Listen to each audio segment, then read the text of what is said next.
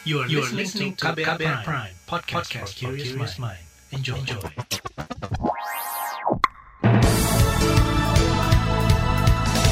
Selamat pagi saudara, senang sekali kami bisa menjumpai Anda kembali melalui program Buletin Pagi. Edisi awal tahun baru Jumat 1 Januari 2021 bersama saya Agus Lukman.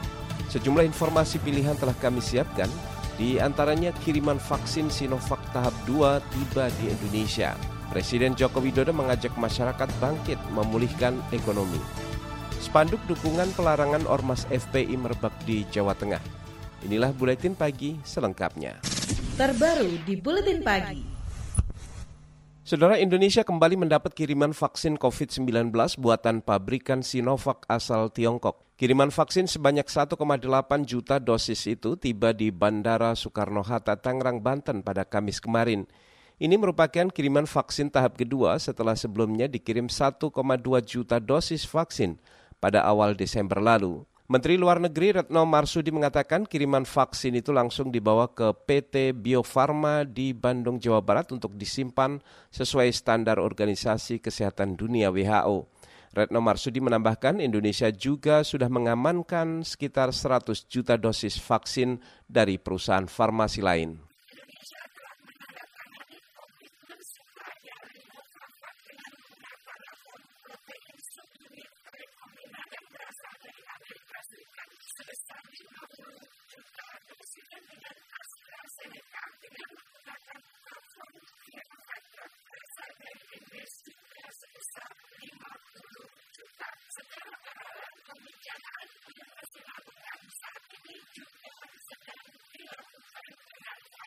Menteri Luar Negeri Retno Marsudi menambahkan, setelah kiriman vaksin tahap 2 tiba di Indonesia, dalam waktu dekat juga Indonesia akan mendapat tambahan 15 juta dosis vaksin dari Sinovac dalam bentuk bahan baku.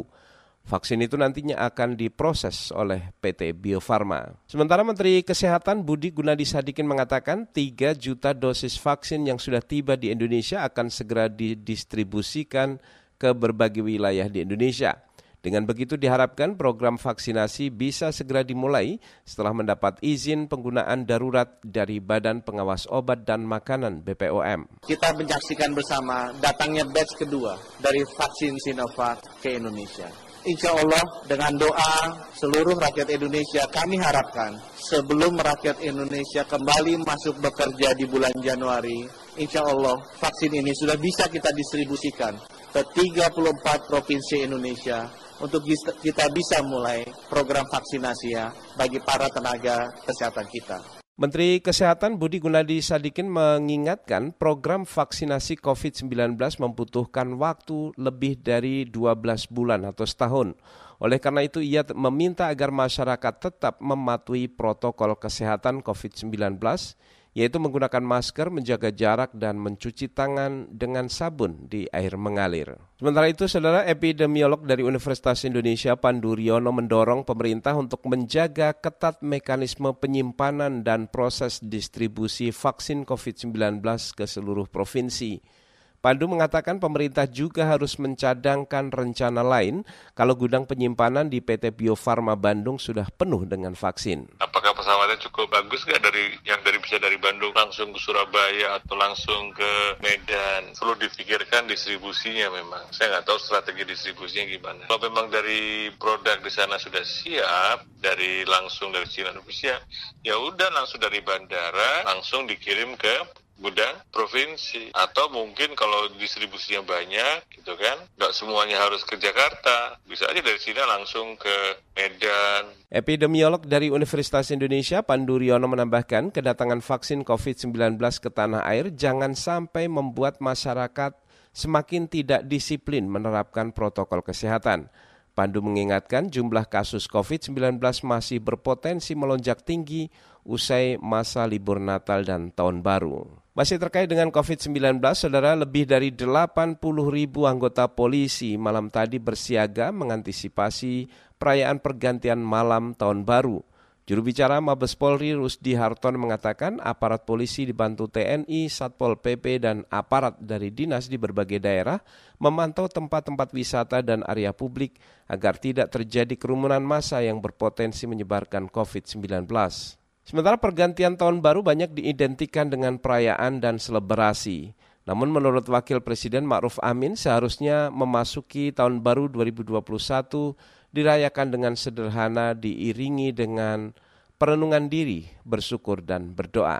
Tafakur untuk berintrospeksi atas kekurangan dan kelemahan guna memperbaiki diri, bersyukur atas keberhasilan diraih, dan atas keselamatan, keselamatan diri, keluarga dan bangsa dan berdoa untuk memohon petunjuk serta lindungan Allah Subhanahu wa taala Tuhan yang Maha Esa agar harapan dan rencana langkah ke depan dapat memberikan hasil, manfaat, dan maslahat yang lebih baik lagi. Wakil Presiden Maruf Amin mengatakan di tahun baru yang penuh tantangan, ia mengajak masyarakat saling menguatkan niat dan semangat untuk bekerja serta berkarya lebih baik lagi.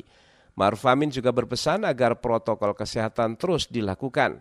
Selain itu, program vaksinasi COVID-19 juga harus didukung penuh oleh masyarakat untuk menghentikan rantai penyebaran virus corona. Presiden Joko Widodo mengajak masyarakat untuk bangkit memulihkan ekonomi. Informasinya kami hadirkan sesaat lagi, tetaplah di Buletin Pagi KBR. You're listening to KBR Pride, podcast for curious mind. Enjoy!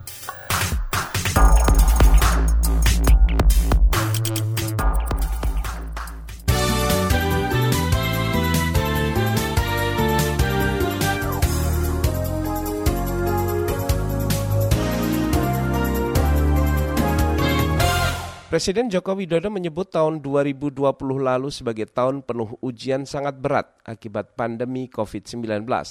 Dampaknya tidak hanya menyebabkan krisis kesehatan tapi juga krisis ekonomi global. Meski begitu, Presiden Jokowi yakin Indonesia mampu bangkit dan berinovasi untuk pemulihan ekonomi dalam negeri. Pemulihan perekonomian setahap demi setahap telah membaik, mulai terasa di kuartal ketiga dan keempat tahun 2020 ini, investasi baru mulai muncul yang akan menggerakkan ekonomi masyarakat dan industri masa depan, sehingga peluang kerja akan meningkat dan kesejahteraan masyarakat akan lebih baik. Presiden Joko Widodo mengatakan syarat terpenting untuk mencapai pemulihan ekonomi nasional adalah segera berhasil mengatasi dan menghentikan wabah virus corona. Ia mengklaim pemerintah terus bekerja keras mengendalikan pandemi, antara lain dengan melakukan vaksinasi COVID-19 pada pertengahan Januari ini. Satuan Tugas Penanganan COVID-19 mengklaim penyerapan anggaran untuk penanganan pandemi dan pemulihan ekonomi nasional sudah mencapai 502 triliun rupiah atau 72 persen dari total anggaran.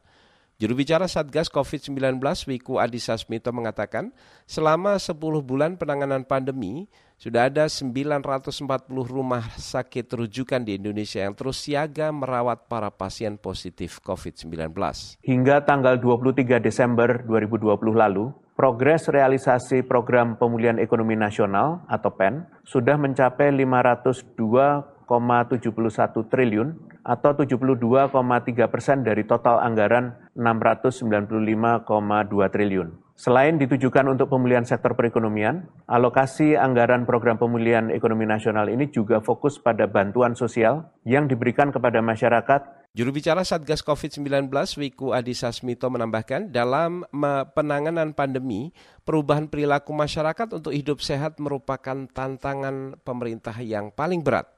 Menurut Wiku, kunci sukses penanganan pandemi virus corona dan adaptasi kebiasaan baru secara nasional juga tergantung pada bagaimana penanganan COVID-19 di kota-kota besar. Sementara itu, di hari terakhir tahun 2020 kemarin terjadi penambahan kasus positif COVID-19 sebanyak lebih dari 8.000 orang. Dengan demikian total kasus COVID-19 di Indonesia hingga tutup tahun mencapai lebih dari 743.000 orang. Pada saat yang sama kasus sembuh bertambah lebih dari 7.000 orang sehingga secara akumulasi pasien sembuh mencapai 611.000 orang dan yang masih dirawat sebanyak 109.000 orang. Kasus kematian juga bertambah menjadikan total angka kematian mencapai lebih dari 22 ribu orang. Beralih ke informasi lain, Kementerian Pariwisata dan Ekonomi Kreatif menyiapkan pangsa pasar untuk mempromosikan produk usaha mikro kecil menengah yang ada di kawasan destinasi wisata. Saat kunjungan kerja ke sentra UMKM di Simalungun, Sumatera Utara kemarin, Menteri Pariwisata Sandiaga Uno menegaskan komitmennya untuk mendukung percepatan pemulihan ekonomi masyarakat lokal. Sama-sama uh, sepakat untuk mendorong platform-platform seperti visitdiary.com uh, ini yang merupakan satu transformasi di era digitalisasi ini dan pandemi mempercepat ini semua. Jadi saya sangat optimis uh, kebangkitan kita 2021. Tentunya kita harus atasi dulu aspek kesehatan COVID-19. Menteri Pariwisata Sandiaga Uno juga mengoreksi target kunjungan wisatawan mancanegara atau Wisman menyusul dampak pandemi COVID-19. Sandiaga mengatakan target jumlah tamu asing sebesar 18 juta orang yang mestinya tercapai tahun ini kemungkinan baru akan terwujud pada tahun 2025 mendatang. Kita beralih ke informasi mancanegara. Saudara pemerintah Tiongkok memberikan persetujuan perdana penggunaan vaksin COVID-19 ke publik terhadap vaksin yang dikembangkan oleh Sinovac. Sinovac merupakan perusahaan farmasi yang dimiliki negara. Meski sudah ada izin persetujuan penggunaan untuk publik, namun belum diketahui data efikasi atau kemampuan vaksin menurunkan kejadian penyakit untuk vaksin produksi Sinovac. Namun pengembang vaksin mengklaim tingkat efikasi vaksin mereka mencapai 79 persen. Uni Emirat Arab sebelumnya sudah lebih dulu mengeluarkan izin penggunaan vaksin Sinovac kepada masyarakat umum. Tiongkok sejauh ini sudah memulai program vaksinasi untuk kelompok berisiko tinggi menggunakan vaksin yang dikembangkan oleh Sinovac dan CNBG. Kita konfirmasi olahraga, ajang tenis bergengsi BNP Paribas Open atau biasa disebut Indian Wells terpaksa ditunda akibat pandemi COVID-19. Turnamen yang akan digelar di California, Amerika Serikat itu semula dijadwalkan digelar Maret mendatang. Mengutip Reuters, panitia penyelenggara mengatakan jadwal terbaru BNP Paribas Open akan segera diumumkan dalam waktu dekat. Tahun lalu jumlah penonton turnamen ini mencapai 475 ribu orang. Turnamen yang diikuti sederet petenis putra dan putri profesional kelas dunia ini selalu menyedot ribuan pengunjung dan ini dikhawatirkan bisa memicu penyebaran COVID-19. Laporan khas KBR mengenai realita COVID-19 dan persepsi masyarakat terhadap kinerja pemerintah akan kami hadirkan sesaat lagi tetaplah di Buletin Pagi KBR. You're listening to KBR Pride, podcast for curious mind. Enjoy!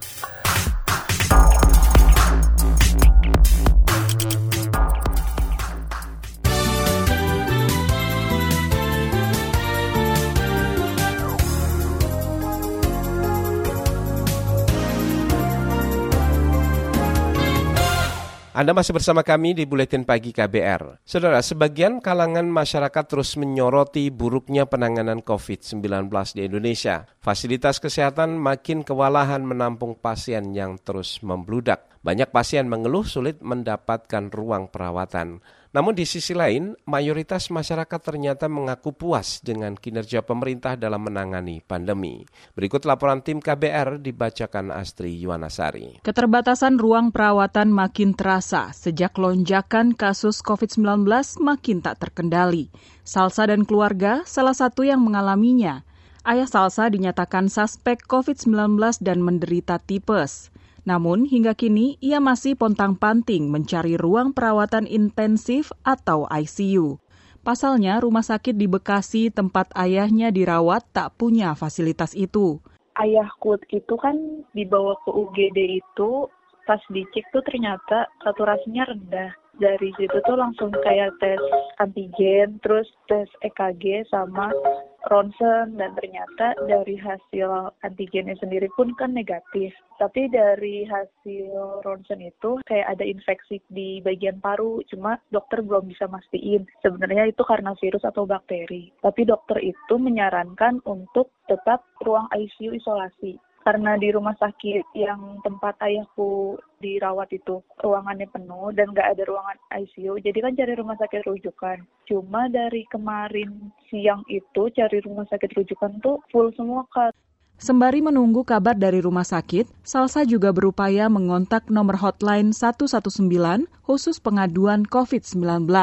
Namun tak ada respon dari 119 tuh aku telepon cuma sampai kalimat lokasi yang Anda gunakan ini akan dijadikan acuan gitu. Terus tekan satu untuk setuju, tekan dua untuk melanjutkan. Cuma ketika aku tekan satu, udah tiba-tiba teleponnya langsung keputus gitu. Perempuan 22 tahun ini menyayangkan layanan darurat COVID-19 justru sulit diakses. Apalagi tidak ada solusi jika terjadi gangguan dalam layanan itu kita kan urgent ya kak. Terus tiba-tiba nggak bisa. Itu kayak merasa emang orang sakit adanya di office hour doang gitu. Karena di saat lagi dihubungin gitu mereka nggak bisa dihubungi gitu kak. Kayak kurang banget pelayanannya. Sedangkan rumah sakit juga kan terbatas untuk nakesnya kan kak. Mereka juga sibuk. Pasien makin banyak. Uh, dari pemerintah sendiri juga kayak ya lambat gitu kak untuk penanganannya Menurut Salsa, respon pemerintah sangat lamban dalam menangani kasus COVID-19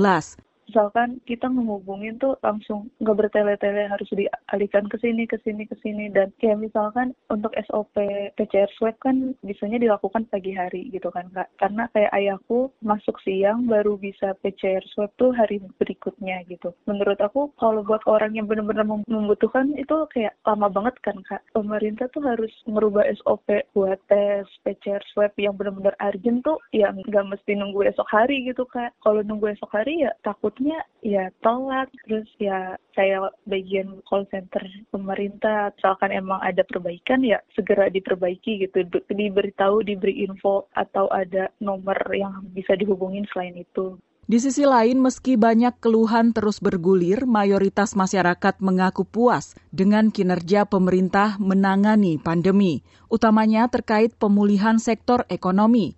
Hal ini tergambar dalam riset terbaru lembaga survei SMRC.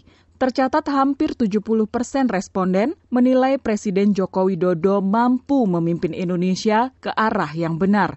Direktur Eksekutif SMRC, Sirojudin Abbas, mengatakan persepsi masyarakat atas kinerja Jokowi selama pandemi stabil dan cenderung meningkat meskipun masih berat situasinya, tetapi kinerja dan upaya yang dilakukan pemerintah sejauh ini di sektor pemulihan ekonominya sudah dirasakan oleh masyarakat. Itu sebabnya kita menemukan kepuasan terhadap upaya pemerintah memulihkan ekonomi akibat pandemi ini ya di atas 60 persen juga. Jadi di akhir tahun ini saya kira masyarakat mulai lebih menyadari, menerima, dan saya kira mensyukuri uh, apa yang sudah dilakukan pemerintah sejauh ini. Meski begitu, masih ada 30 persen responden yang menganggap kinerja Jokowi buruk dalam menangani pandemi. Menurut Abbas, hal ini juga harus menjadi catatan pemerintah dalam meracik kebijakan, khususnya menjelang program vaksinasi. Fakta bahwa masih ada yang kurang puas itu juga perlu dicatat oleh pemerintah bahwa dari aspek kebijakan, governance, budget, dan delivery program-program penanganan COVID-19 dan pemulihan ekonomi nasional itu ya masih banyak yang harus diperbaiki ke depan. Terutama saya kira ke depan itu soal memastikan vaksin tersedia, masyarakat mau melakukan vaksinasi supaya pandemi ini segera terkontrol dan kegiatan ekonomi masyarakat bisa bisa segera pulih kembali. Demikian laporan tim KBR, saya Astri Yuwanasari. Informasi dari daerah akan kami sajikan usai jeda, tetaplah di Buletin Pagi KBR. Commercial Break.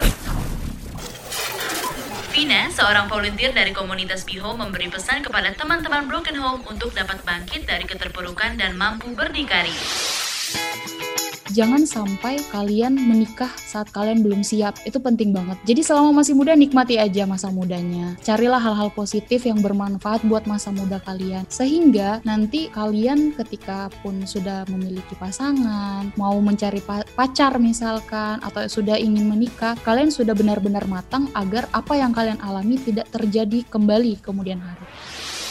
Simak obrolan selengkapnya dalam podcast Disko Diskusi Psikologi dalam episode Bangkit dari Keterpurukan dan Berdikari di kbrprime.id dan platform mendengar podcast lainnya.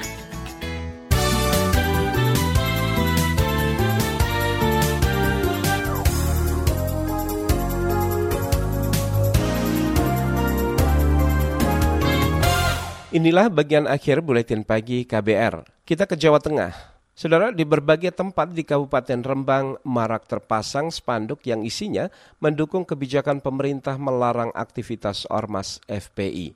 Selengkapnya bersama reporter radio jaringan Musyafa dari Radio R2B Rembang. Setelah pemerintah membubarkan Front Pembela Islam atau FPI di Kabupaten Rembang, Jawa Tengah muncul cukup banyak spanduk-spanduk mendukung keputusan tersebut. Kepala Bagian Operasional Polres Rembang, Keli Budi Antara, menganggap spanduk-spanduk semacam itu menjadi dukungan moral kepada aparat penegak hukum dan pemerintah. Saya kira dukungan moral kepada TNI Polri dari masyarakat itu kan saya kira masyarakat secara sadar dan sukarela melakukan itu. Jadi ya buat kita aparat itu merupakan dukungan moral yang luar biasa. Kabak Operasional Polres Rembang, Keli Budi Antara. Keli menambahkan berdasarkan hasil pemetaan di wilayah Kabupaten Rembang, memang ada warga yang menjadi simpatisan FPI. Namun secara organisasi tidak aktif, sehingga ketika FPI resmi dibubarkan pemerintah, tidak muncul reaksi maupun gejolak apa pun. Musyafa, R2B Rembang melaporkan untuk KBR. Kita ke Jawa Timur, kawasan wisata alam Gunung Ijen di Banyuwangi ditutup untuk umum hingga 3 Januari mendatang. Penutupan itu sebagai upaya mencegah penyebaran COVID-19 selama masa libur akhir tahun. Kapolsek Licin Banyuwangi Daliono mengatakan aparat juga melakukan pemeriksaan kesehatan dan kelengkapan identitas di sejumlah lokasi yang biasanya menjadi pintu masuk menuju kawah Gunung Ijen. Destinasi wisata mulai hari ini sudah ditutup dan untuk Licin di areal Jambu dibuat checkpoint guna membatasi atau memberikan pengawasan kepada uh, pengunjung wisata. Apabila dari masyarakat tidak ada yang mendengar informasi atau instruksi kita akan halo. Kapolsek Licin Banyuwangi, Daliono menambahkan sejumlah lokasi titik pemeriksaan misalnya di pos pintu masuk Jambu dan di kawasan Paltuding yang merupakan pintu masuk pendakian menuju kawah Gunung Ijen. Kita menuju ke Sumatera Barat. Kepolisian daerah Sumatera Barat sepanjang tahun 2020 memberhentikan secara tidak hormat atau memecat 23 anggota polisi yang tersangkut kasus narkoba dan tindak pidana lain. Kapolda Sumatera Barat Tony Harmanto mengatakan personel yang dipecat jumlahnya lebih banyak dibandingkan tahun sebelumnya. Selain itu juga ada 200 lebih personel polisi yang diduga melakukan pelanggaran disiplin. Dari jumlah itu, sebanyak 165 personel sudah diproses, ada juga 50-an personel polisi yang ditindak karena melanggar kode etik, dengan 40 di antaranya sudah selesai diproses. Kapolda Sumatera Barat Tony Harmanto berkomitmen untuk menerapkan aturan secara tegas terhadap personel yang melakukan pelanggaran. Informasi tadi menutup jumpa kita di Buletin Pagi hari ini. Pantau juga informasi terbaru melalui kabar baru, situs kbr.id, Twitter kami di akun @beritaKBR serta podcast di alamat kbrprime.id. Selamat tahun baru 2021. Tetaplah mematuhi protokol kesehatan pencegahan COVID-19. Akhirnya saya Agus Lukman bersama tim yang bertugas kami undur diri. Salam.